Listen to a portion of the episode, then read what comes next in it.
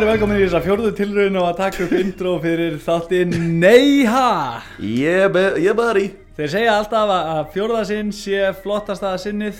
Það er einmitt sinnið sem er flottast Og ég heit Arnar. Ég heiti Gísli. Velkomin í Nei Ha. Og Arnar er þunnur. Mm Alltaf þunnur. Já, svolítið, svolítið oft þunnur. Um, Þarf að fara að trappa þetta niður. Já, það er bara svo mörg góð partí sem er búið já. En alltaf svolítið erfitt að vera svona þingu pjessi Já, já, já, já Ég menna svona er að fá sér á mándu Það fyrir alltaf overbúrt mér langar svo að lýsa þér Þú veist í svona lausi svona lópapissu með svona 60s gul sólgleru Já, svona sól, sólgleru Það sem þú sérð augun í gegn með sólgleru Þannig að verður svona pínu perralegt að horfa Já, líka með svona Já, flott skegg. Ef ég ætla að lýsa þér Þú situr inn á móti mér líka með sólgleru Nefn að þín sólgleru eru svona ógeðslega cool Svona dope dealer sólgleru eins og þú sért með fjóra flugulega frá Kolumbíu að býða eftir að koma kókain yfir til bandaríkina Já, Þú lítur svolítið þannig út. Það er svona það er í stundum að taka síman með hennan podcastið í gangi. Nei, nú hættu að bylla og og, byrjum að, að, hérna, að upplýsa. Já, að hérna, þessi, þessi þáttur hann er litið skemmtlur mhm. Við erum samt ekki búin að taka hann upp ég bara veit að vera það. En ég nefnilega ég nefnilega mér datt það í huga að fjallum Johnny Depp. Já, það bara, og ég vissi það ekki fyrirfram. Depil Já, ég vissi það ekki fyrirfram En ég var bara mjög hissa. Já, og mjög pe- peppaði núna, bara senstu tvær mínútur. Ég er búin að hafa heila tvær til þess að peppa mig já, það er geðvögt Mhm. ef við ekki bara vind og gríða Jú, jú. og blæða nú, Já, ég segi það. Það er geðvögt Þessi þáttur, ég er búin að missa töluna Á, nei, ha?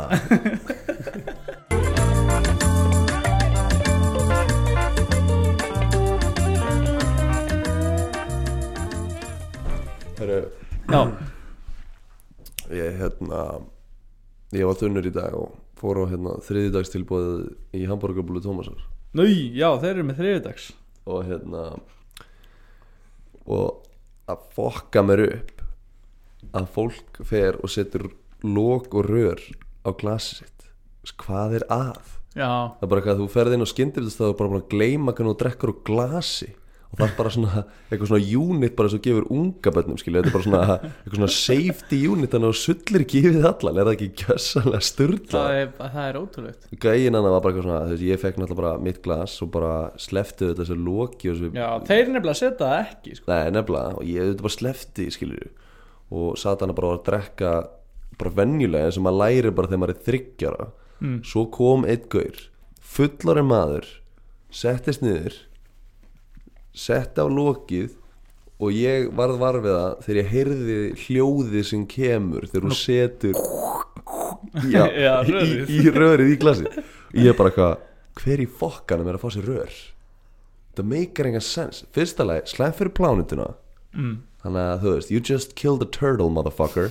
Skilur númer tvö, þú veist svo st- situr hún eða svo fokkin hálfviti. Eitthvað, það er ekki hægt að vera nettur að drekka með röri jú, Nei. Jamie Foxx í hérna Horrible Bosses það er shakeið það já, það er ekki nettur Eh, þú veist, það er hægt að reyna að vera pínu sexy en það er aðalega gellur sem púla það sko. það er er ekki gauðra sko. Nei, þú veist, þetta er náttúrulega bara eitthvað svona metafor fyrir eitthvað allt annað, skilur já, þannig að þú veist, það er sumi geta verið sexy með rörið en þú veist, kallmenn að sjúa upp úr röri mm. það er ekkert eitthvað hart við það, það er ekkert eitthvað nett það er líka alltaf bara og svo kemur þetta hljóð í lokin þegar hann er búinn með gosið sem er bara svona eitt mest bara triggering hljóð í heiminum. Þú ert í bíói og það er einhver gaur bara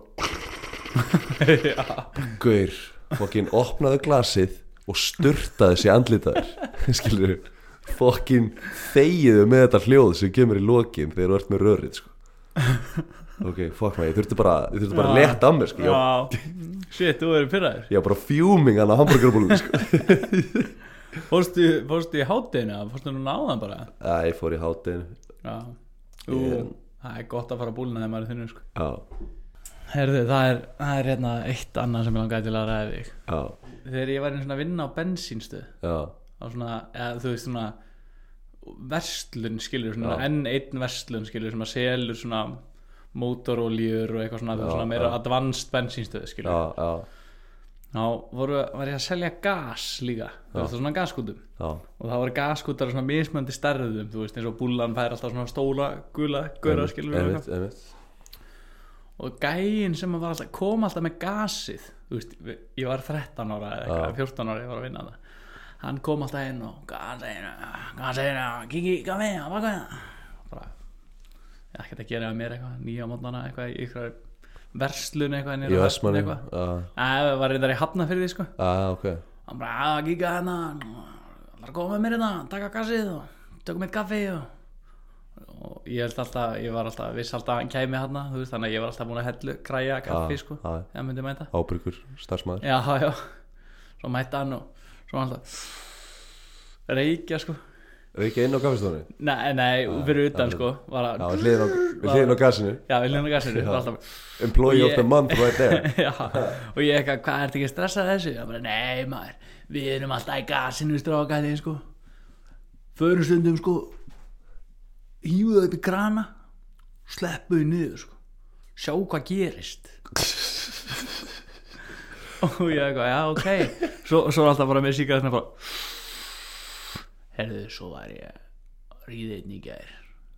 Og ég bara, já. Hvað er þetta 13 ára? 13 já, og, og líka bara einhver dutti skilur við og allt alveg. Þetta er ekki eins og í frændiðin, skiljum Þetta er bara Nei, bara alveg, einhverjur alveg ég tók alltaf í hárið að þeim. Og ég já, ok. Eitthvað, þú svona svona gaur. Gaskallinn, að kenna þér eitthvað Svo svona dark side of life hérna. Þetta var svona eitthvað svona þrítur gæi skilur, þetta var svona þú að væri aðalsbaðin skilur og, og hérna Þú svo vil einhvern ætla Þú vil ætla Ég ætla að mæta hana. Halla mig svona upp á vegnum. Fá mér eina Malboro Þú vil að segja svo sem 13 ára vir- virgin krakka að Ég sé að ríða og toga í hárið. Þú vil lífið mér nett á. Hvaða gaur, Ég- þú veist, hvaða gaur er þetta Stjartfræðilega lélur. Síðan, síðan, næsta sumar Það ég var bara í svona sumaraflýsingar skilur Já. þá bara kom ykkur annar gaur og ég eitthvað, hvað er að frétta á honum hérna? Ég man eitthvað hann hét, eitthvað, Bjarni eða eitthvað.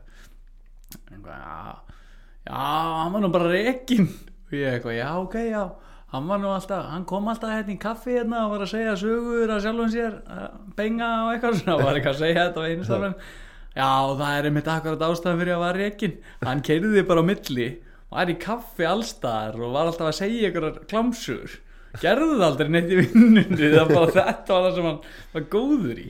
Já, shit maður. Spæði, það er svo lélur að sést úr geimnum sko. Já, já, hann svo lélegur að hann laggar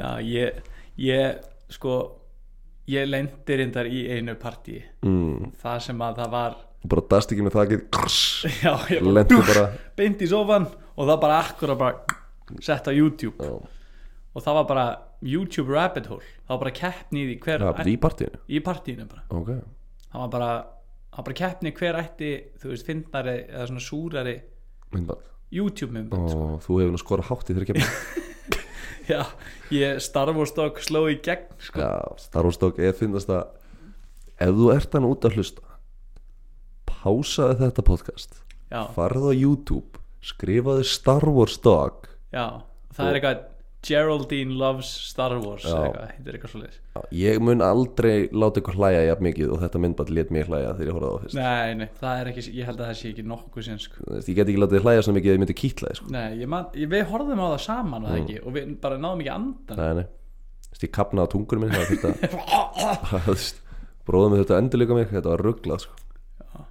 já, en talandi YouTube mm.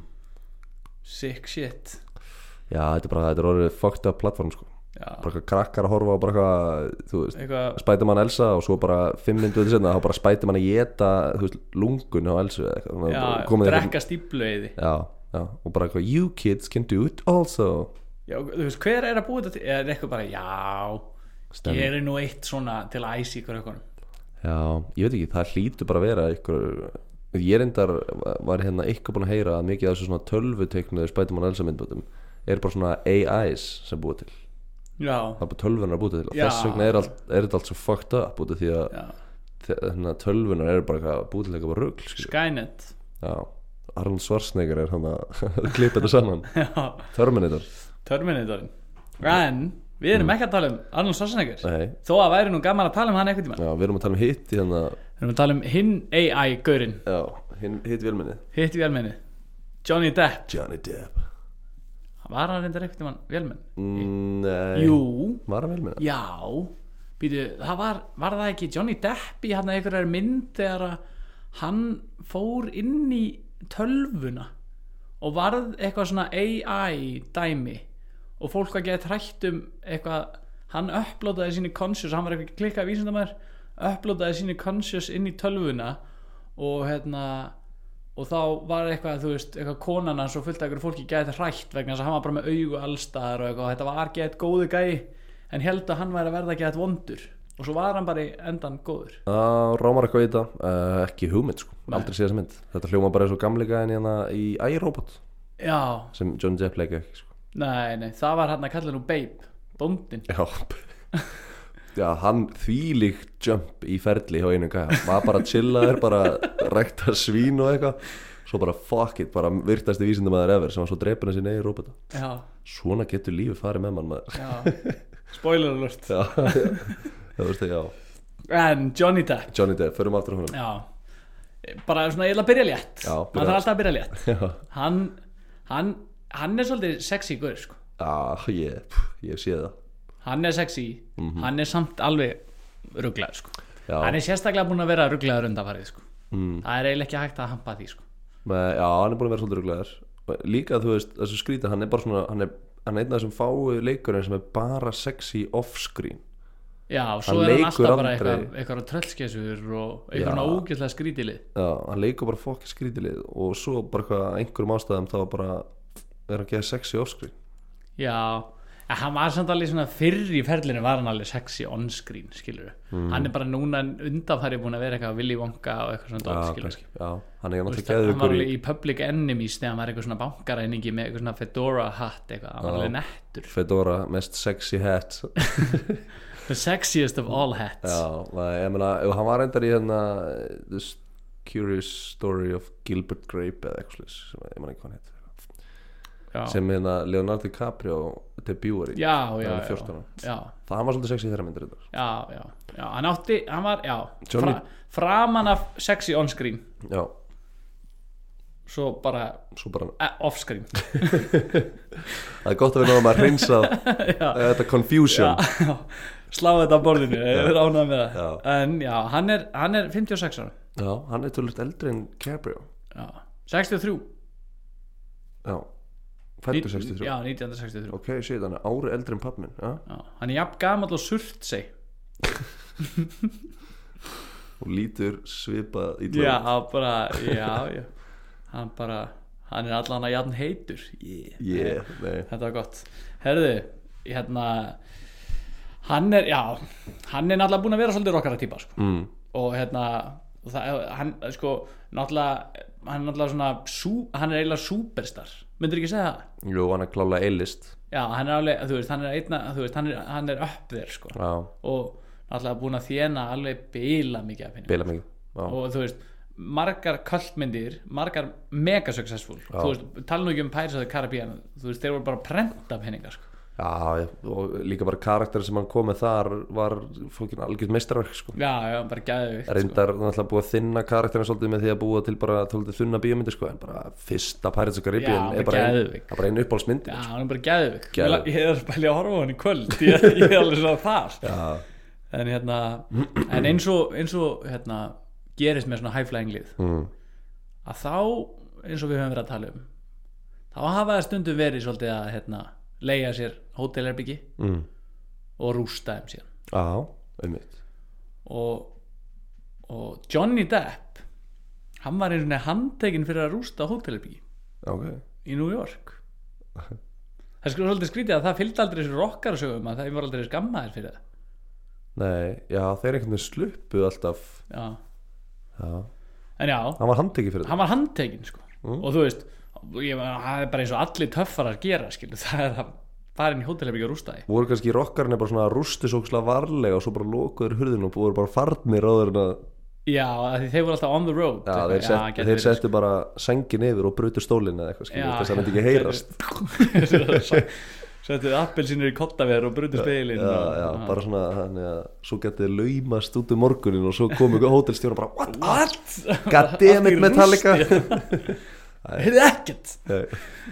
heyrðu já en svo bara tók löggan hann og Mm. bara heyrðu þú veist. Þetta er ekki lagi. Þetta er ekki lægi myndur þú láta svona heima hér þetta var alveg bara orð fyrir orð hérna yfirheysla Já, uh, en hann bara, hann þverð tók fyrir þetta. Og sagði bara að þetta hafi alls ekki verið hann sem gerði þetta. Ha? já, að hans sögn þá kom hann bara inn á herbyggið bara eftir dinner eitt kvöldi og var bara að fara að hátta opnaði fataskápin og það var beltistýr inn í fataskápnum. Beltistýr, Já, svona armadillo. Armadillo sem að bara trompaðist og rústaði bara herberginu og bara eitthvað braut sófan og eitthvað og hoppaði svo bara út í gluggan Ok, hver, veist, hver, hver á starðin á þessu beltistýri? Þeir eru ekki það stór dýr. Nei, Var þetta bara risa beltistýr Bara svona giant armadillo Kom bara svona steinn út úr skápnum rúllandi bara eins og í Indiana Jones skilur við Bara Johnny Depp að hlaupa og bara sófið rústaðir. Já. Ok, og svo bara, svo stökk beltistýri bara út um gluggan Mm. skilur Já, já, við við erum tala um hótel hérna, það ekki? já, já. Ok, ég, ég held alltaf að í New York. Hann var ekki í Afríku sko. Já, ég var búin að gleyma því að það var í New York. Já, Ok, og eh, stjörnur á hótelum í New York Við erum að tala um efsta hæðin, sko. Já, Þannig að við erum að tala um bara að var beltistýr Hingrandi, bara beið. Já, Svo bara hérna kemur hann Hérna kemur hérna, hérna kemur hérna, hérna, hérna kemur Johnny Depp. Og svo bara opna bara Bara take that man, fuck Bara brýtur stólun og bara. Já, og bara og út bara gluggan hoppa út í gluggan og sneri sér við og fokkaði á hann bara þegar það datt sér Já, já, svo, bara fallið og breski fánin bara. Já. og svo bara var hann handekinn fyrir þetta hann ger ekki neitt Þetta er það sem hann segir við lögguna þetta er bara sem hann sagði við leikur Já, ég meina seems about right to me já. I guess we're gonna go look for an armadillo já, ég meina ég nú aldrei trúið að það hef verið fíll sko. Nei. beltistýr, það kemst alveg í skápin Já, kennst í skápinn og er hérna út um allt meina- í New York já, þetta er bara his word against theirs sko. Það er bara en Hversu já, geðveikt ef þetta væri samt þú veist, hann er bara þvertekur þetta, svona gerist, Já, svona gerist. bara- löggan er bara, hvað ákverja, hvað eitthvað mertu svo fara þær í security footage og það bara eitthvað, bíla beltistýr, Johnny Depp bara, what the fuck? Eitthvað, það var í gjössalega er Já, er þetta er fokki fyndið með þér. Já, ef ég hefði vitað þessu þegar ég fótið í New York. Já, það verður að vera mjög high end já, hótel. Já þeir sem að lendi í þessu. Við vorum kannski ekki að gista á nógu fínu hóteli til að fá beltistýri Þú færð ekkert hérna, ekkert eitthvað beltistýr og bed and breakfast sko. Nei, nei, nei. Það er bara rottur þar. Já, það verður að vera allavega Ritz Hotel og uppskilu þá ertu komið svona fancy svona, svona sníkidýr eins og beltistýr og það eitthvað er, það er í svona fína leitunum geta verið afrísk yfirmerkudýr Það en, að, að þýðir ekkert að fá myndir eða þú ert bara að fá hérna bara Steve Irwin bara. Eitthvað svona brjálaðan ástrala til þess að taka þetta. Já, Armadillo er líka í Brynju skilur hvað það er að gera? Shit. En já, Ok. nógum Armadillo Já, skilur þetta var bara svo ótrúlega já, þetta er ótrúlega saga. En hérna en já, þú veist, og ég er ekki hérna til að dæma sko, ég veit ekki hvort það hefði verið hérna eða ekki sko Ég bara, ég, ég ætla ekki veist, segja það hafi ekki verið satt fyrst að ég var ekki þannig Nei, ég, ég ætla ekki að fara til það sko. Ég er ekki hér til þess sko. En Johnny hefur náttúrulega átt sko, mjög litringan feril sko. og hérna Já, ég er bara ennþá að hlæja beltistýrinu sko. Sorry og, Johnny Depp. hérna, Já, já, hann bara eiga litringan feril og hérna og, og, en eins og við tölum um sko, sérstaklega núna á setni árum er hann búin að vera í brasi sko. það er búið að vera í fréttonum hann með einhverja alls konar hunda í Ástralíu og hann mátti það ekkert og ok, ég var endur ekki búin að frétta því. Það var eitthvað þeir voru að taka upp Paris the Fullt af ólulum hundum. 11 já, já. að hann var bara með eitthvað hunda og það mátti ekki og... Já, hann hefur kannski tekið hundan bara með sér frá bandaríkjunum í leiðisleysi, eitthvað svoleiðis já, já, já, já, sérstaklega Ástralía skilur, mm. mátti ekki vera með skítuðum skóm þú ferðan sko. Nei, mitt, á hann einhver gaur sem kom með kaninu já, og það bara, er bara búið, ennþá bara er að fokka upp já, bara eiðilega ekosystemi sko. En hérna, og svo líka bara eitthvað veist, hann, er- hann, hann er ekki búin að vera góðu kall nei, nei, hann hefur verið svolítið í the public eye. Já, en hann hérna náttúrulega gerði þessa hennan karakter Jack Sparrow mm. Pirates of the Caribbean getur geðugu karakter. Já. og hérna en eh, sko, ef maður pælir því þá er hann eiginlega nánast búinn að vera bara Jack Sparrow síðan Já. þó að hann sé ekki að leika í Pirates of the Caribbean Já, ég man eftir að bíómynd sem heitir The Tourist sem Já. var með Angelina Jolie held ég líka. Fekk eitthvað legendary liðlega dóma. Já, og hann, þar var hann bara eitthvað svona seinheppin ferðamann, þú veist mm, í Flórens eða eitthvað uh, hérna í Fenum minna Mhm. nema það var bara svona eins og Jack Sparrow í nútíma lífi, skilur, hann var bara eitthvað í jakkafötu og var alltaf eitthvað svona ú, eitthvað, þú veist, eitthvað svona gett vandrarlega, þú veist. Hann er bara búin að vera Jack Sparrow síðan að hann bjóð Já. til það hlutverk. Er og hérna en, en þegar hann byrjaði fyrirlin þá var hann alltaf bara klikka prominent leikari sko, Mm. og hann er að tala náttúrulega að mörgum þú veist, hann er geðugu leikari. Já, þó hann sé ekki búin að vera svona að slá, slá boltan beint á beinti marki síðan svona kannski the Caribbean já, ég líka velti pínu fyrir mér hvort að þú veist, hans að vera typecastan klika mikið já það gæti alveg verið sko. þú veist, svona setni tíma sko. já, já, já, gæti, er líka, líka svona boltinni svolítið á leikstjóranum með þetta já, já, það gæti alveg verið uh, en, en þegar hann byrjaði sko, þá var hann þá leka hann í þáttaröð sem hér 21 Jump Street Já, hefur heyrðu þetta? ég, ég veit, ég vissi að myndin er byggt á þáttum, já. Já, Ég já, vissi ekki að Depparinn væri í upprunlega 21 já Depparinn var aða leikarin í 21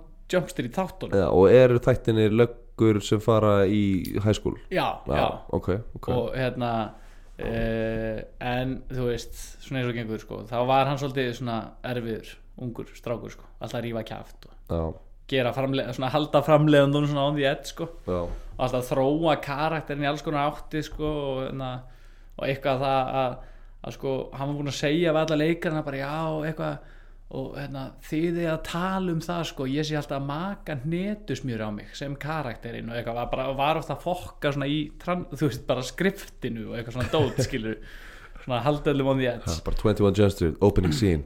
Yeah, always putting butter, peanut butter all over his body. Oh, hey Mark já, þetta, þetta var eitthvað svona. Ok, uh, nema það að, að því að sko þegar að, að hérna, þegar þáttunum var í sýningu já, þá var gert risastórt svona billboard skilti í Studio City í Los Angeles. Já, með mynd af Johnny Depp þú veist bara sem karakterinn haldandi á byssu svona einhvern veginn. Og slógani var Other kids pack lunch. Þú veist það stóð á plakatinu. Other kids pack lunch. Ok, Já. já, Hann, hey, But he packs a 9mm já já já. Ok. Ímyndaður ef þetta er gett í bandaríkjum í dag sko. Já. það væri ekki fyndið sko. Já, meinar Sí og hérna Það er búin að breyta svolítið landslæði já, já, já, klálega. Og hann, okkar maður var ekki alveg nógu sáttur sko. fannst, hann, honum fannst byssan vera slæma frétti sko, að vera með byssuna hann á, Í skólanum?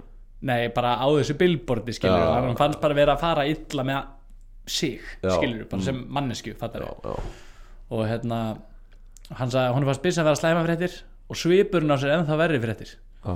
Þannig að hann heyrði í félagunum þeir fóru í búðina keftu pensla og rúllur og málingu og fóru svo niður eftir á rúlluskautum niður að billboardinu. Bara eins og gangstir að gera. Já, hann sagði bara við vorum að, við vorum að fara að gera svo rugglaðan hlut að það breytti engu þóttu við fara á rúlluskautum þannig að við gerðum það bara. Og hérna og þeir klifuru upp á, þú veist billboardskiltu þú veist, þetta eru svona risa súlur og Já. eitthvað svona dæmi. Á rúluskötunum á rúlluskautunum, já. Já, og hérna og voru, þú veist, voru búin að mála yfir byssuna og Johnny Depp var bara í svona í stiga að mála yfirvaraskegg á sjálfan sig þegar kemur öryggisvörður og hann er bara stopp! Alveg bara brjálaður skilur við, svona gammal feitur eitthvað svona.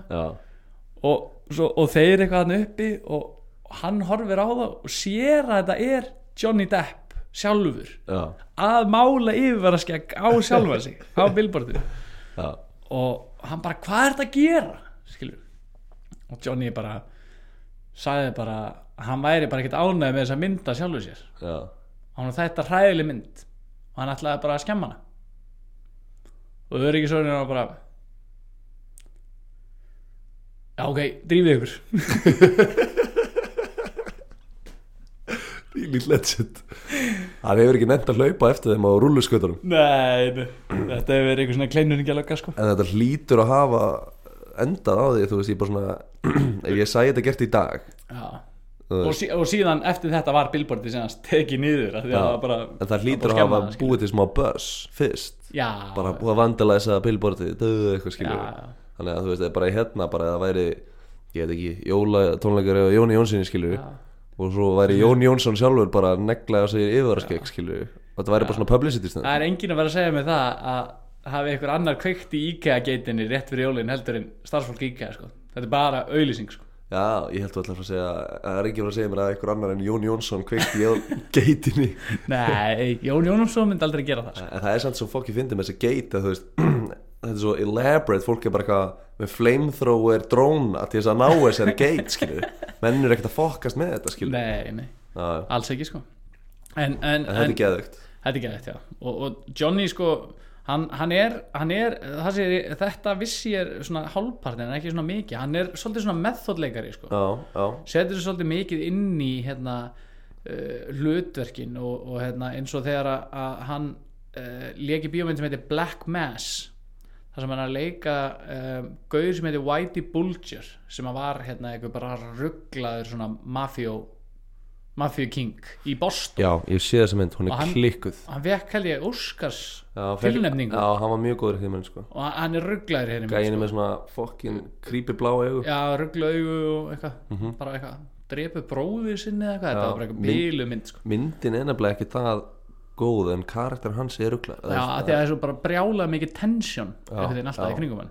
Og mynd- hann myndin er svona tension, tension, tension, tension, tension en þú, þegar, hann sleppur aldrei teginni sem er ástæða fyrir að þetta er ekki það góð mynd út af því að þú veist, hún bara svona tension og svo kemur bara eitthvað the end já, já, Skilurðu. einmitt. Og hann, sko, hann reyndi að ná í Whitey Bulger bara náttúrulega hverjum degi, sko. Hann Já. vildi ekki tala við hann. Já, Whitey Bullies vildi ekki tala við Deppara. Nei, Nei, og hann vildi bara svo mikið þú veist, bara hitta hann og tala við hann og Mm. eitthvað, þú veist, og setja sig í stellingarnar.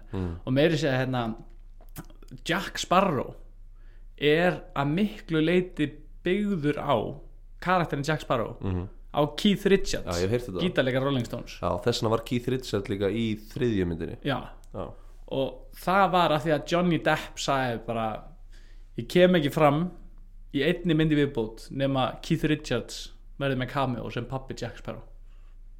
Já, já, alveg og svo bara, svo bara mætti Keith Richards og hann þurfti ekki að fara í búning. Nei, já, og það bara glættur þessu sjórinningi hann var bara í einhvers að ripnum gölla og með einhver hauskúpur ring og propstildin þurfti bara eitthvað já, ok, heyrðu, sestu bara hann þurfti ekki að gera Já, Hérna er hatturinn Það er geðveikt. En hérna síðan hérna er eh, mynd svona framalega ferðlunum sem að heitir Donnie Brasco. Já, sem að fjallar um svona FBI löggur sem að infiltrata eitthvað svona mafíu já, og hann leikur í þeirri mynd með Al Pacino. Ok. Og hann sagði að bara, hann sagði bara Al Pacino er bara frábær.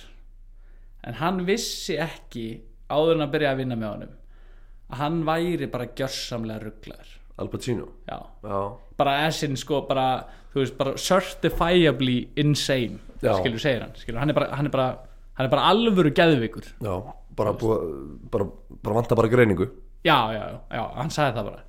Og hérna og hann elskar að segja brandara Al Pacino. Mm. og hann var alltaf að segja Johnny Depp sama brandaran bara á hverju með einasta degi. Já, skilur, alltaf að segja hann sama brandaran og Johnny skildi hann bara ekki skilur, og hann sagði að þetta var komið svona þetta stig að mér fannst mér ég bara verða heimskari skilur, því oftar sem ég heyrði brandaran skilur, Já. þú veist ég, hann bara, bara fann svona IQ levelið bara droppa og hérna en svo, svo kom þetta í honum endanum hann fattaði loksins sko brandaran sko. og brandaran var sér þannig að uh, Al Pacino hallaði sér alltaf upp á hann sko. og veist alveg hvað Al Pacino er já, já hann bara, talking to me Já, Get, að, ég, ég get ekki kóta eina linni Ég sé Nei. marga myndir Já. Eitthvað Rocky, Já, Al Pacino Rocky Er það ekki? Það var ekki Það er Sylvester Stallone Það er var í Sylvester, Rocky. já, já, já, já, nei, þetta var rugglið mér Það er ekki Rocky Nei, sko, Al Pacino er í hérna, Hann er í Dog Day Afternoon Hann Já, er já. í um, Hann er í klikkaðri Ekki mynd hann Sem er hérna að það það fyl- fylgir ykkur bankaræningum að það, að The Heat eða eitthvað. Já, já, hít Það er góð mynd maður. Já, Og hérna, og hérna Al Pacino hallaði sér upp á hann já, sagði bara, Johnny beinagrind labbar inn á bar. Panta sér bjór og skúringagúst.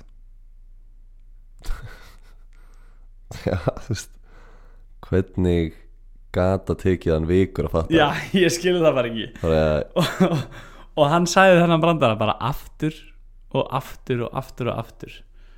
Og hérna og þú veist, Johnny var bara þú veist, hann sagði bara, þú veist, bara ég, mér fann- leið alltaf eins og ég væri heimskar og heimskari sko. Svo var hann alltaf að pæli, hann væri bara í alvörinni geðveikur, skilur, bara certifiably insane. Mm, svo er þið bara tímann út að reykja og að lappar upp á hann og fyrir eitthvað að segja bara eitthvað rugl og, og Johnny nennir sér ekki lengur og segja bara all það var eitt sem ég vissi ekki um þig árum við byrjum að vinna saman en þú ert í alvörinni bara rugglar þú ert bara certifiably insane. Mm.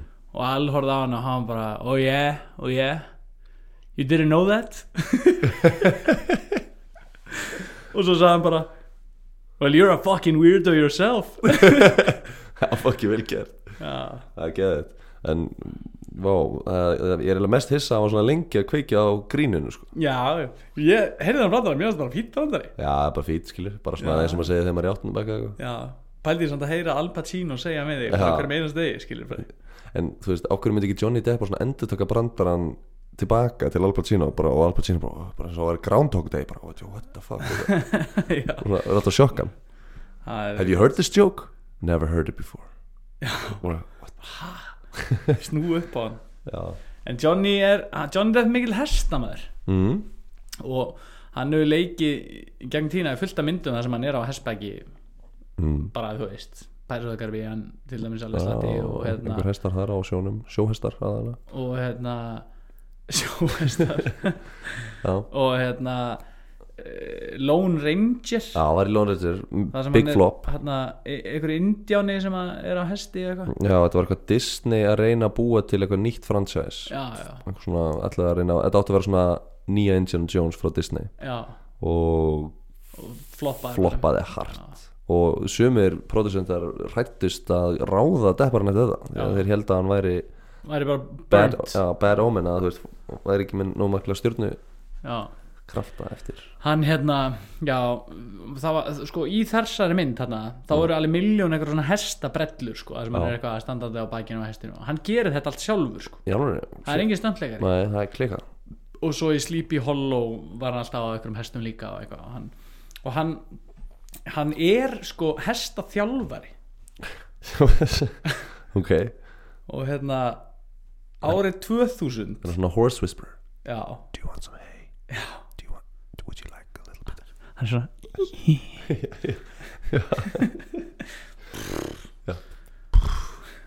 Hestur er bara tjóðlega skrýtinga en hérna árið 2000 Já. Þá kefti hann norskan hest. Mm. Og flutti á búgarðin sinn sem Mm. hann á í Kentucky. Hann er fættur í Kentucky sko. Já, ok, ok. Og hérna og á þar eitthvað svona ranch eitthvað búgarð. Já, og fullt af tegundum af hestum þar. Þú veist, það er bara með eitthvað alls konar hesta þú veist, eitthvað arabíska hlaupahesta og eitthvað dót. og þessi hestur hétt Hrimnir. Ok. Eða Hrimnir like the Viking cauldron. Mm. og hérna og þessi hestur var einn af uppáhalds hestunum hans Það svo normen myndi segja Hrímnir Hrimnir Hrímnir og hérna og sturlað mm. ég hafði ekki hugmyndum um þetta en hann hefur gert tvær heimildamindir. Eitthvað svona arti heimildamindir um hesta. Coming with you is uh, me, Johnny Depp We're gonna look into the world of horses. Já sko, en, þú veist, þetta er samt ekki alveg þannig. Ég horfði á trailerinn Já, og þú veist, þetta er eitthvað svona mega arti mynd. Og hérna, eða þú veist, myndirnar er alveg frekar arti og þú veist, það er ekki beint eins og hann sé í þeim, þú veist, þetta er svona eitthvað þetta er svona sem í heimildamind en hún er sett upp á svo arti hátt. Ok, þannig að hestan er með eitthvað gjörninga og eitthvað svona skemmtilegt. Nei, sko önnur myndin já, hún var tilnemd á Cannes já, árið 2006 sko, til verðluna en hún heitir Through the Eyes of a Horse. Ok. Og fjallar um sem sagt þegar að yðnbildingin kom og hestar hættu að vera vinnudýr. E, e, veist, eitthvað þannig skilur veist, þannig að tala um þetta transition að menninir hættu að nota hesta sem þú veist, eitthvað plóu og eitthvað og hestar byrjuði að verða í raun og veru bara eitthvað svona þannig að hestan er household item, skilur Já. þú veist, bara eitthvað í hesthúsum og þú bara eitthvað ferð út að labba á þeim Skilur. þeir eru hættir að hesturinn komin heim maður er búin að missa vinnuna bara segja við konuna, þú veist, allt þetta stress bara sem fylgdi því að, að yðnbyltingin kom. Já, já, Nei, og þú veist, hann er bara eitthvað að tala um það skilur að, hérna, að, þú veist, hvernig hlutverk hesta í, þú veist, sögunni, þú veist, varð bara obsolít þegar að vé, vélar komu, þú veist, í, bara í vestrænum heimi, skilur þú veist, þannig að, þú veist, auðvitað eru hestar notaðir á ýmsanhátt á öðrum stöðum í heiminum í dag, en þetta er eitthvað svona, þú veist, þetta er eitthvað svona hans, einhvern veginn svona, þú veist, það er hans hot take. þetta er eitthvað hans hot take, sko. En, og já, þessi mynd, hún var valin til að vera sínd á International Critics Week sem er eitthvað svona, þú veist veist, það er svona myndir í kann skilur þú veist, Já, eitthvað, það er eitthvað miljón eitthvað arti myndir og svo er eitthvað svona bönns sem að svona er síðan, þú veist, kom í bioparadís eitthvað svona, Já, þú veist, þessar já. myndir skilur og hérna og Hrímnir, hann var aðal hlutverki í þessari mynd sko. Þú veist, hann var hesturinn sem að er svona portreyjaður. Norski hesturinn er líka bara vél, sko, það er geðveikt svona, massa er á stórir sko. það er bara til þess að draga. Og hérna, þeir unnu ekki þú veist, verðlun Nei. En fengu hérna, koma hérna á þessu International Critics Week. Uh, en svo þremur árum setna þá lést hrímnir Ó, úr blóðtappa shit. en Johnny þótti svo vænt um hrímni að hann leti uppstoppan og hann og hann er uppstoppaður já, í sveitaseturinn hans í Kentucky mm. og fyrir neðan hestin er skjöldur sem að stendur The only being who ever knew me JCD og ég bara JCD þá fór ég að googla það og þá heitir hann vist Johnny Christopher Depp. Já, annar, að, nummer tvö? Já, nummer tvö skilur shit. Það er geðveikt. Ekki hesturinn en þú veist Johnny Depp. Já, ok maður, það er stöðlega. Sko, ég verð að koma aðeins inn á mér hefur alltaf fundist eftir að ég horfði á Scrubs svolítið fyndið að stoppa upp dýr. dýr sko. Já, og, og já. gæludýr þá sérstaklega. Já, já, og þú veist, það er allir bara oi, myndir stoppa upp hundin eitthvað. Og ég er svona, er það ekki smá stemninga? það er ekki spá fyndið? Að þú veist, já, ég, ég meina dýrið þú veist, bara myndi þá deyja af bara mjög mannúðlegan hátt og bara af, af elli vonandi. Já, og, og hérna og síðan bara er hann bara alltaf með þér skilur já eins og ég skröps og alltaf setja fyrir framann hurðina og nágrann já, ég veit ekki, mér, eftir, eftir að horfa á Scrubs þá fannst mér þetta pínu stemning þannig að ég ætla bara ég ætla bara að gefa Johnny. Depp bara kútos á þetta, mér finnst þetta bara nett og, og, og pínu fyndið. sko. En geggja hann- nafn líka, hrimnir á Já. hesti, já, mjög gott sko. Svona voldugt.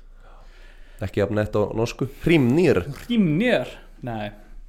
En hann svo sem, fer, þú fær ekki að breyta nafni á hesti sem er búin að heita hrimnir. Nei, nei, hann er orðinlega bara fíla þetta var, hann heit hrímnýr sko. Finnst það nett bara. Já. En að því voru nú að tala um bensínstöðar aðan þá er ég með eina af hann nefnilega var einu sinni svona dælustrákur sko, já, hann var að bensíndælustrákur. Bensindæliströkkur hann var bensíndælustrákur já, og hérna, og hann var alltaf bara stiltur að dæla bensíni og, já, og svo einn daginn þá kom yfirmaðurinn hans til hans og sagði bara, heyrðu, þú ert alltaf svo duglegur að, hérna, að dæla bensin já, og bara duglegur í vinnunni að þú ætti nú að koma hérna og vinna í skúrnum hérna, in the shed í svona hjólastillingum og smuri og skipta dekkjum og, ú, uppgreitt og Johnny bara, hann bara, heyrðu, nei, nei, nei, nei, nei, nei ég er ekki að, þú veist, ég kann ekkert að bíla sko. ég er ekki að fara að gera neitt svoleiðis. Og bara reyndi bara að vara hann við, skilur. Hann bara, heyrðu, enga svona þælu, skilur þú bara kemur inn í in the shed og við bara sýnum hvernig þú gerir þetta og hann bara, ég, þú veist, hafði engan áhuga bílum skilur vissi ekki neitt. Svo bara einn daginn kom inn bíl í hjólastillingu eða þú veist, dekkaskipti og eitthvað svona dót sko og stilla og Johnny bara eitthvað veist, var að vanda sig því líkt og bara frábær hjólastilling að hans mati. Svo bara keiri bílinn út og beigði til vinstri og þá bara skaust vinstra framtrekki af bílinnum og hann bara og hann bara rekin á staðunum Já. En þetta er poor management sko. já, þetta er Hann- poor management. Hann varaði við.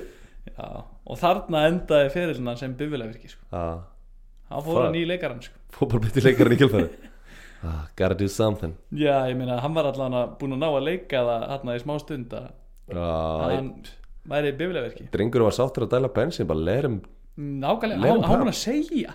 Hann búin að segja. Já, hann búin að Búin að segja hann búin, hann búin að segja hann um hann gæti ekki, þú veist. Ótrúlegt afengur maður bara hvað Herri, ég, ég kann ekki hjólastilla. Nei, nei, gera það samt. Já, bara, græja, hætti þessu fokki væli og græja þetta bara. Það var að segja ef ég var á spítalunum bara að einhver væri bara, herri, var ekki ekki að myndi setja umbúður á þetta að klikka það sárna Ég er reyndar, kann það ekki sko. Heyrðu, það eru bara hérna? Já, hann er umbúðurinn, gerða það bara. Kemur gæi bara með eitthvað rugl, skilur en hérna hann var einu spurðu hvers konar fyllibitt hann væri eiginlega. Eða þú svona, hvernig hvernig drikkjum maður? Þá sagði hann bara konstant. Já.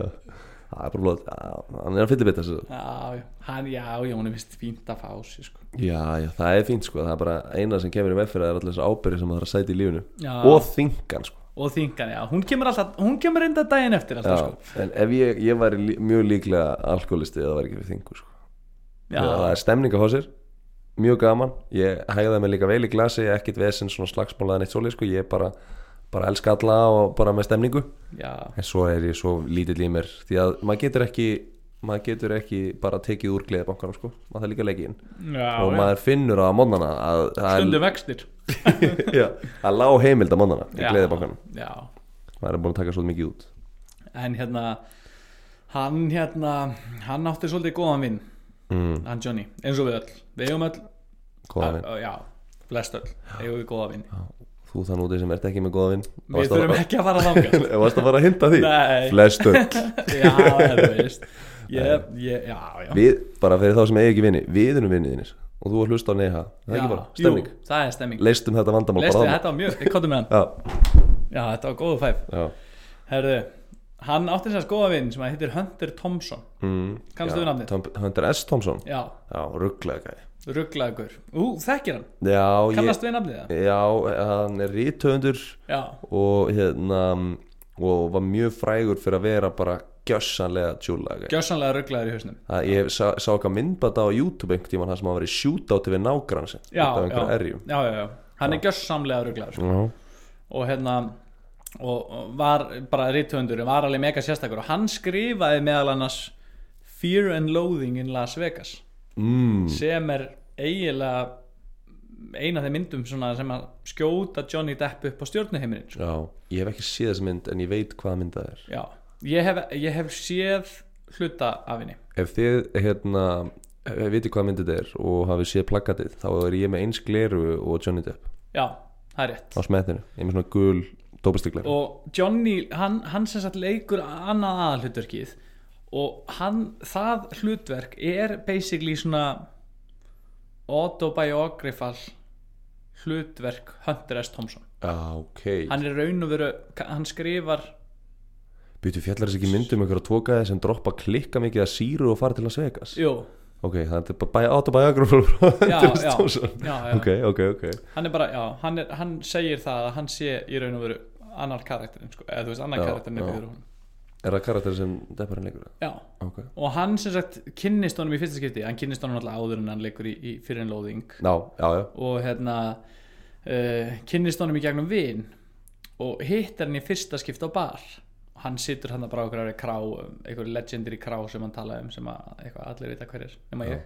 Já, og hérna hann satt og var að býða eftir honum. Þegar að bara dyrnar opnast og hann líst þannig að hann bara sá ekkert nema rafmagn spí, bara þú veist, það bara dyrnar opnast. Og hérna og þá heldur Hunter í vinstri hendi á einhverju sem heitir cattle rod. Og það er svona, þú veist, svona löng stöng Já, með svona kúlu á endanum með svona rafmagnu þetta er notað til að reka kýr þú veist á svona búkörðum skilur. Og hérna með cattle rod í vinstri og svo er hann með svona taser gun svona stuðbissu í hægri og það bara og hann er bara eitthvað já, bara lappar inn á barinn og hann er bara eitthvað get out of my way! Þú veist og lappar inn á barinn svona bara get out of my way you motherfuckers. Eitthvað, þú veist og lappar þú veist það var enginn, það var enginn að gera neitt skilur og hann lappar upp að ég er orðlaus. Já, lappar upp að Johnny og félag hans sem að sitta þarna á barnum. Og, og, og þeir eitthvað kynna sig og hann bara, á, hann er og hann eitthvað, já, ég heiti Johnny og, og þeir byrja eitthvað strax að hérna, Ég myndi ekki kynna mig svona casually. Já, Ah, blessaður Johnny. Já, já, þetta var bara svona hann- þú veist, hann hefur ábygglega verið búin að fá heads up að hann sé gjössalega reglulega, skilur og hérna og, og þeir eiga það sagt að vera báðið frá Kentucky. Já, og hérna, og urðu félaga strax. Já, gott að geta tengt yfir eitthvað svona sammeilegt Já, og tengdi eitthvað, eiga eitthvað svona eiga eitthvað og urðu strax eitthvað svona félagar og byrja að spjalla. Og Hunter bara býður honum til sín Já, í þennan alleged búkar þarna sem þetta myndbandir þarna sem er Tjus, klikka Og- myndband sko. hérna, og svo eru þið þar eitthvað og, og þar inn í stofunni hjekk svona haglabissa skilur, gamaldags svona Winchester eitthvað svona Já. haglabissa og Johnny stendur eitthvað hann í stofunni og fer eitthvað að rósinni bara, já, flott bissa og hendi bara, já þetta er, þetta er guttfalleg bissa sko. Er, langaður að, að skjóta úr henni? Og hérna klukkan hálf þrjú um nóttina og báði blekaðir og Johnny bara þú veist, auðvitað langar mig að sjálfsagt. Þú veist, auðvitað Já, bara, það er bara ekki smörning sko. Nei, nei, bara, þú veist, bara glemdu því að mér langi ekki að skjóta henni sko. Bara ekki sens að ég vilja og hönd er bara, já, ok hann lappar inn í eldús sækir própankút, skilur, gaskút. Okay, okay. réttir Johnny like Depp réttir Johnny Depp gaskútin og eitthvað svona lítil box eitthvað svona svört lítil box og gaffertip hann bara, já, teipa þetta kútin hérna. Og Johnny eitthvað svona með síku uppi sér á, Hann er svona svolítið eins og gaskæðin sem þú varst að tala um á með gaskútin og með síku. Með síku. Ok, já. og, hérna, og er eitthvað hann að teipa þessu svörtu box á með síku uppi sér og hann bara, hvað, hérna hvað er eiginlega, hvað box er þetta eiginlega? Og hann er eitthvað þetta, þetta er, hérna, er nitroglísirinn og Johnny bara, já, ok tók úr síkarettuna og sett í vaskinn. Svo svo er ok. svo er það fóru þeir út, út í garð Já. með gaskútin stiltar við upp, löpu eitthvað 20 metrar tilbaka svo bara, að, eða bróður yfirlinn og Johnny bara, ha, á bara skjóta á þetta. Og hann sagði bara og hann sagði bara svona, með leið eins og þetta væri svona það væri svona test sko, þetta væri eitthvað svona próf. Og hann bara, já. Ok. Bara, skítur hitti bara beint á gútin Já. Og það kom bara brjálu sprenging náttúrulega, bara 30 metra eldstrókur skilur Já. og bara shrapnel, bara þú veist svona skrapmetal bara í allar áttir skilur Já, já, já. rústaði bara bínum hans og maður. Og hérna, og eftir þetta þá urðu þið rosa góði vinni sko, alveg óaskilur og, og einhvern tímann þá var hérna, var hérna Don Johnson sem er leikari eitthvað Já, hérna Hunter ringir í Johnny og Johnny eitthvað svarir síman og Hunter bara Johnny, Don Johnson er að koma í heimsókn. Og bara we're gonna ambush him. Bara umsáður og hann bara eitthvað svona þegar Hunter segir eitthvað svona þá segir ekkert ha. Hann segir bara ok. Þannig að hann fór bara til hans og þeir fóru út í garð bara með fullt af byssum skilur bara einhver rifflum og einhverju drasli. Já. svo bara Don Johnson skilur bara enna ætla bara í heimsókn til höndið skilur bara stígur út úr bílnum þá byrja þeir bara að negla úr byssunum bara eitthvað upp í lofti skilur og hann bara eitthvað stekkur inn í bíl og bara og bara bakkar út skilur heldur alltaf bara síðan bara að drepa skilur. Já væntalega og, bara, og hann bara beilaði skilur. Og höndið bara ah, gott grín. Sjetturinn en hérna Það er eiginlega sko, ótrúlega þessu er að Hunter S. Thompson trúi honum upp á þetta skilur, ég bara veit að hann gerir þetta. Það er bara, það er bara náttúrulega djárum að maður. Að Johnny Depp hafi verið hann bara já, ég skal bara Johnny Já. Hæ, mér finnst það, þú veist þetta er bara flott. og þeir stundu fá menn svo heimska hugmynd og þeir framkvæma hann skilur. En oftast þegar það eru tveir gaurar þá, þá segir einn, nei, Nei. er þetta að, skjóta svona í afturnaðanum er það ekki svolítið svona mikið? Nei, það er ekki bara að finna það bara gæti, kannski haldið að vera að drepa sig. Nei, nei, nei, nei, nei. Þetta er bara ambush. Þetta er bara stemning. Þetta er bara stemning. Shit sko. en hann hérna, já. Hann sko, Johnny er, hún er margt til listalagt. Já. hann spilar á gítar Já. og hann spilar einmitt á gítar í tveimur lögum hjá Oasis vegna þess að gítarleikarinn var svo uppdópar hann gæti ekki spilað þegar komið í stúdíóið What? þannig að þeir hringdu bara John Depp og John Depp bara kom að spila á slidegítars Ha? og það er bara tvö lög með Oasis bara útgefin þar sem að bara Johnny Depp bara er í kreditlistanum skilur bara spila á slidegítar What? Hvernig er það með Oasis? Eitt bróðurinn er söngvarinn Er hinn bróðurinn gítarinn? já, Já, vegna en þetta var eitthvað svona slidegítar Já. eitthvað, þetta var svona eitthvað annað. En allavega, hann, hann er bara hann er með margt í listan Já, flott, Johnny, sko. vel gert, Johnny. En nýlega fór hann í man, uh, svona málsókn mm. við fyrirvændi managerana sína. Mm. og upp á svona, já, málsókn upp á svona 25 miljón dollara fyrir að hafa séð illa um sig. Og þetta er ekki venjulegi managera sko. Johnny Depp hann er með alveg insane eðslu hefðir uh, spending habits. Já, og hann ræður þarna managera til að sjá um sig og sín fjármál. Og hann sem sagt kærir þessa managera sína fyrir að hafa séð illa um sig af því að hann var komin í báa fjárhagstöðu og hérna en managera fyrirtækið gerði counter lawsuit það sem að, að það gefur út að hann eitti að meðaltali tveimur miljónum dollara á mánuði í 17 ár í alls konar rugl. Shit. Bara á þeim tíma sem að þeir voru. Það er tveimur, það er að hóla miljón Nei, 2 miljónir dollara að meðaltali á mánuði. Þannig að 240 miljónu íslensk króna á mánuði sem maður að eyða. Já, Þannig að þegar maður tala um hérna 7 miljónir við erum að tala um Á dag. 24 miljónir á ári í 17 ár að meðaltali Fuck maður þú veist bilað bilað, bilað skilur við já. Og hérna- ég, ég, ég, veit ekki hvort ég gæti eitt þessum peninga ef ég myndi reyna. En sko hann hérna þetta, þú veist, þetta er alveg frekar flókimál sko, vegna þetta er, þetta er alveg svolítið svona eitthvað, þeir eru eitthvað að gefa út að þeir hafa verið, þú veist, að reyna að advæsa honum, skilur, að reyna að verja hann fyrir sjálfun sér, skilur, þú veist, að því að hann var með svo brjála spending habits, en þeir voru samt bara eitthvað að þykja, þú veist, fleiri, fleiri miljónir dollara í eitthvað svona ráðgjöf fyrir, já. já, þannig að þeir áttu að vera ráðstafið í en voru samt líka á launum við að ráðstafið í eða þú veist eitthvað að passa þannig að þetta er svona ótrúlega eitthvað svona sveitt já, object sko. og, hérna, og, og ég ætla ekki að ég er ekki komin hérna til að dæma eins og ég Nei. segi svo oft Nei. í þessu podcasti hann að hérna, en þeir segja að hafa verið að reyna sitt besta og eitthvað en hérna, hann sem sagt var að kaupa svona Hollywood subgripi kjól frá Marley Monroe Já, og eitthvað alls konar bull þú veist, eitthvað bongotrommur sem að hérna, Marlon Brando átti og, þú veist, bara eitthvað, skilur hann bara eitthvað já, ok, ok hérna- Kjóllin, bara you had me there og svo Já. bara eitthvað bongotrómi Marlon Brando Johnny Depp, hvað er þetta að pæla? Já. Veist Marlon Brando er ekki þekktu fyrir bongos það er alveg á hreinu sko. Kjóllin, iconic Bongotrómunar, out of here skilur, sett þetta í bankan sparnar ekki. Keiftu bara bongotrommi skilur hún þarf ekki að vera bongotrommar sem Brando Já, en hérna hann sem sagt hann keifti 14 heimili og gerði þau upp fyrir 75 miljón dollara. Mm, hann eitti 30.000 dollarum á mánuði í rauðvín. Sem sagt bara þú veist var að fljúa einu rauðvíni frá Fraklandi og hann sagði í hérna í viðtalegu Rolling Stone sem var komin út nefnir nýlega að honum þætti þetta bara að vera mjög dónalegt.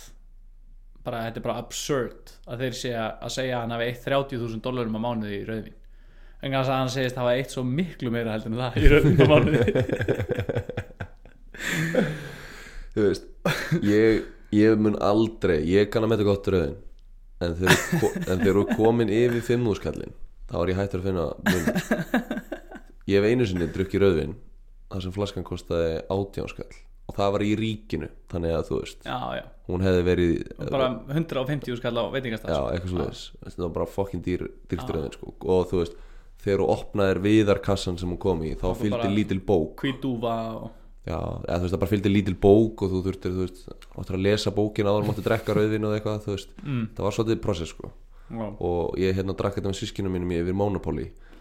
Hérna, Já. þetta því það er ég það frábært moment Já, til að draka svona dýrt rauðin og því ég bara fann aldrei tilefni og nefndi ekki að býða langaði já, og hérna, og það var mjög gott rauðin en ekkert betra en eitthvað annað sem ég smakkaði sko. Nei, nei það er allt vimber sem gerjast sko. það er alltaf maður þú veist, Johnny maður, get your shit together. Já, já, nákvæmlega. Ég ætla að dæma bongotrómunar og vínið. Og vínið. Ég ætla að láta hann kjólinn flýgur sleppa. bara með enga þóttu hann vil ekki sjá annað. Nei, ég myndi líka gera það ef ég væri svona moldaður. Já. hann á eiga klasa í Bahamas. God motherfucking damn it maður. Hann fór út að borða á veitingastæði Chicago og skildi 4000 dólar eftir sem tips. Já, það er geðveikt, það er bara frábært. Ég, ég var bara lítill í mér skilur og ég er ekkert með það mikla heimild á bankanum sko. Já, veist Svo er bara hann, einhverjum hann, hann hefur greinlega bara ekki neitt sens fyrir hvað Nei, nei. hann hefur ekki hugmyndu hvað mjólk kostar sko. Nei, nei, ég get lofaði já. Og svo, þú veist, svo var hann alltaf bara að ringja bara, bara já, ég verð að gera gefa fjölskyldinni bara grand Christmas vacation, skilur og gaf öllum bara eitthvað, þú veist eigu eða eitthvað. Hérna, á hann einhverju dætur eða? Heyrðu, ég bara veit það ekki, sko. Nei, ok. Ég ætla ekki að fara að reyna að ljúga ykkur Nei, þú ætlar ekki að fara að ljú, þú ætlar ekki að vera að ljúa í þess að þetta Nei, ég ætla ekki að, þetta er allt satt. Já, shit maður, ég, já, maður þarf að komast inn í Johnny Depp fjölskyldunum maður, fá eina eina í eyju. jólagjöf. Pirrandi að fá samt bara eitthvað eitthvað lélega við þig. Eh, Já, ég var eitthvað fokki bara að fá við þig en, en hérna, ef við myndum bara svona Nú erum við svona að tala um jólagjafir bara í, í smástund Ég ætla nú ekki að draga þetta oflangt frá upprunalega Þetta er reyna að stela þættinni mínu En hérna, maður mannst að maður var krakki Maður var pyrrar að fá mjúka pakka. Já, Núna er maður eiginlega bara svona pínu pyrrar að fá harða? harðapakka Nú? Að þú veist, Já, eða svona venjulega, þú veist, ég veit ekki allavega hjá mér, þú veist ég er hættur að fá og ég á allt svona sem ég þarf þú veist, ég er með Já. tölvuna og ég er með hirtnatólin og ég er með svona síman og, og svona tech Já. gadgets og eitthvað svona Áttu bongo dormur frá Brando Ha, en svo, svo þegar ég fæ en núna þegar ég fæ harða pakka þá er þetta bara svona ostadiskur Já, og eitthvað svona, ég bara, ég veit ekki svona, núna ef ég fæ mjúkan pakka bara geðið og einhverju trist þannig ef að mamma þín er að hlusta þá er það hint hint. Já, en mjúkupakkan er alltaf geggjað mér alltaf geggjað að fá sokka líka. Já, af hverju var maður pyrraður að fá sokka sem krakki? Það er geðveikt að fá sokka í dag sko. já. Já, bara Já. let's agree to disagree. Þú verið sáttum ástadiskinn og ósáttum með sokkana. Já, já, fínt sokkar En allavega, einu sinni þá var Johnny Depp í viðtali. Tengsluðu Willy Wonka. Eða hann and the Chocolate Factory. Já, og það var bara verið að spyrja hann bara hvernig hann hafi fengið innblásturinn í karakterinn. Og hann bara, já, sko sko George Bush. Ég bara ímyndaði mér hvernig George Bush væri freðin og ég bara reyndi að leika það ok, þetta setur þess að mynd í nýja ljósum ég var, ég var að horfa á hana bara um daginn sko. það meikar sko, þá ætlum ég bara að segja að þetta er ekki það sem ég myndi halda að George Bush myndi vera friðin sko. Nei. það fer eitthvað eftir hvort það er senior eða junior já, já sko, bara George Bush skilur bara hérna var George Bush junior ekki bara alltaf friðin bara, í, bara in his presidency mögulega sko. veist maður bara að horfa á allt þetta rugg en svo, svo ætlum við að enda þetta hérna einni sprengju sko. goddammit, já hann var á, hann var á hérna, tónleika hátíð fyrir tveimur án síðan Já. og hann er eitthvað í mæknum upp á sviði og hann er eitthvað að spyrja hvað er Donald Trump, akkur er Donald Trump ekki hérna og allir eitthvað "Ö", og hann eitthvað þú veist, nei, nei, ekki miskilja mig þú veist. já, þú veist, það eru margir dimmir staðir sem ég geti kýkt með hann á hann er gott að ég að vera hérna eitthvað svona, þú veist var upp á sviði, skilur bara tala í mikrofónin svo segir hann bara, hvað er eiginlega komið langt síðan að leikari myrti fossetan shit, hann er bara að vitna í John Wilk Booth sem Já. drap Abraham Lincoln já. það trillist allt bara allir "Woo!" og hann eitthvað, nei, bara svo að sé á hreinu þá er ég ekki leikari ég vinn við að ljúga en það er samt orðið svolítið langt síðan að leikari myrti fórseta Þetta er bara, mynd, myndið þetta ekki flókast í morðhótuna Það er ekki bara, þetta er gjössamlega styrla sko. Þetta er styrlað, hvað sagður þetta væri? Einhverju molli? Nei, á tónleika festivali Tónleik? á Glastonbury festival fyrir tveimur árum síðan What? það eru sko fleiri tugir þúsund manns á Glastonbury festival sko. Ok maður Það er bara, ef, ef Trump bara myndi bara einhvern tíma að fara á leikrit sko, það myndi aldrei gerast Nei, Það, þá geti kannski Johnarinn læðist aftan á hann tekið hérna þennan ba gamla Barbershop hérna, hann legnuði í henni. Já, hvað hún? Sweeney Todd? Sweeney Todd? Nei, ég var nú bara að pæla að drepa hann bara eins og John Wilkes Booth skeri með, Gamla sk- skammar hann. Já. Nei, við erum nú ekki að fara að drepa Nei, það er ljótt að drepa. Já, ljótt að drepa, ekki drepa Ekki drepa, sko. Nei, nei, ég, ég bara Ég, ég, ég, ég bara á svo dimmum stað og ég er í þingunni sko. Já, og enda þessu, svona, skiljað eftir í myrkuru Já, þetta var rosalegt. En þetta var allar sögurnar. Fuck maður. Ég er alveg gjössanlega lost. Ég veit ekki neitt sko. ég, það, það er svona stundur sem maður er svona eða þrjár sem ég ætla að reyna Mm. svona singla, það er svona sumar sem það er bara þetta er klálega ekki bull. Mm. svo er sumar sem er, jú þetta er bull ég er, núna finnst mér allar jafnar þetta Já. er svo, þannig að þú náður að fela lína þína vel núna sko. mm. er nú Ég samt hafði mjög gaman að því að Já, sko svo er líka twist með fyrstu söguna með, með helvitis beltistýrið er náttúrulega, þetta er bara það sem Johnny Depp sagði við lögguna Já, skilur, þannig að ef þú hefði sagt mér að það var beltistýr sem rústaði hótelvíkinas og stökk frá, þá hefði bara verið það skiptir engu máli þú hlýtur að vera fokkin ljúaði það er ekki fokkin fræðilegur. Það er sér eitthvað beltistýr sem óvart faldis í skápni á Johnny Depp í hóteli, þú veist það er bara að vera ómikið bild um, í New York. í New York. En ég veit, á maður, ég er alveg lost. Eða ekki að fá bara stutt ríkap já, hvað er með ríka Er Það ekki Til, a, til að vekja þig til þess að aðeins að hjálpa mér, ég er alveg lost sko. Hann var einu sinni handtekinn fyrir að rústa hótelherbyggi Já. En hann var handtekinn að rángri sög vegna þess að þetta var í raun og veru ekki honum ekki heldur var þetta beltistýr. Þessi kom úr skátnum og rústaði herbygginu og stökk svo út úr klukkan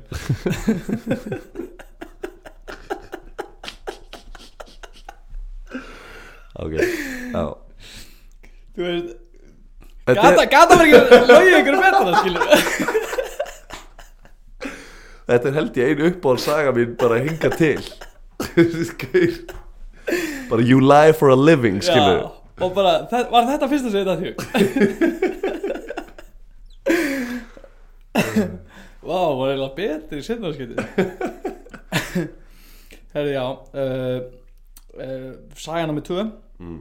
Þá, hérna Þegar hann leik í 21 Jump Street Þáttaröðinni Og sá skilti af sér Billboard skilti sem að var mynda honum með byssu sem stó, var með slókan Other kids pack lunch. Já, einmitt. Og hann var svo ósata með það að hann ringdi í félagana og þeir fóru nýr til rúluskautum og ætlaði að mála yfir sabotage og þegar hann var að mála yfirverða skekka á sjálfan sig þá kom öryggisvarður og öskraði stopp og svo sá hann að þetta var Johnny Depp og sá hann að það bara að drífa sig. Kláraði þetta.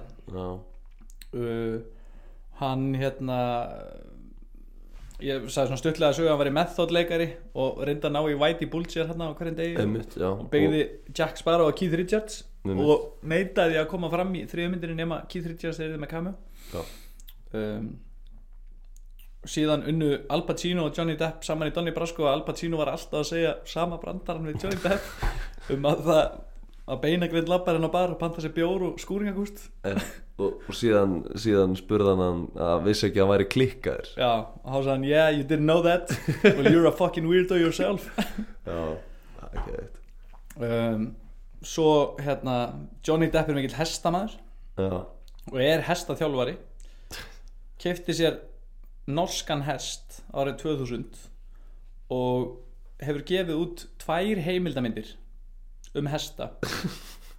Fekk tilnefningu til verðlauna á Cannes 2006 já, þar sem að hesturinn hans Hrímnir lék aðalhlutverki í myndinni. En þeir fengu engi verðlaun en hann hins vegar stoppaði síðan Hrímni upp þegar hann dó og er í dag í sveitasetturinn hans í Kentucky. Geðvögt og hérna síðan var hann einu sinni svona bensíndælistrákur Já, og var að, var að hjóla stilla. Og, og yfirmaður hans kom og, og uppgreitaði hann í hjólastillingar og smur. Og einn daginn þá vandaði hann sig rosa mikið og bílinn kerði í burtu um leið og hann beigði fyrir átnið og skaust vinstra framtekja af bílnum. Og hann var reygin á stanum og þá kann að vera leikari.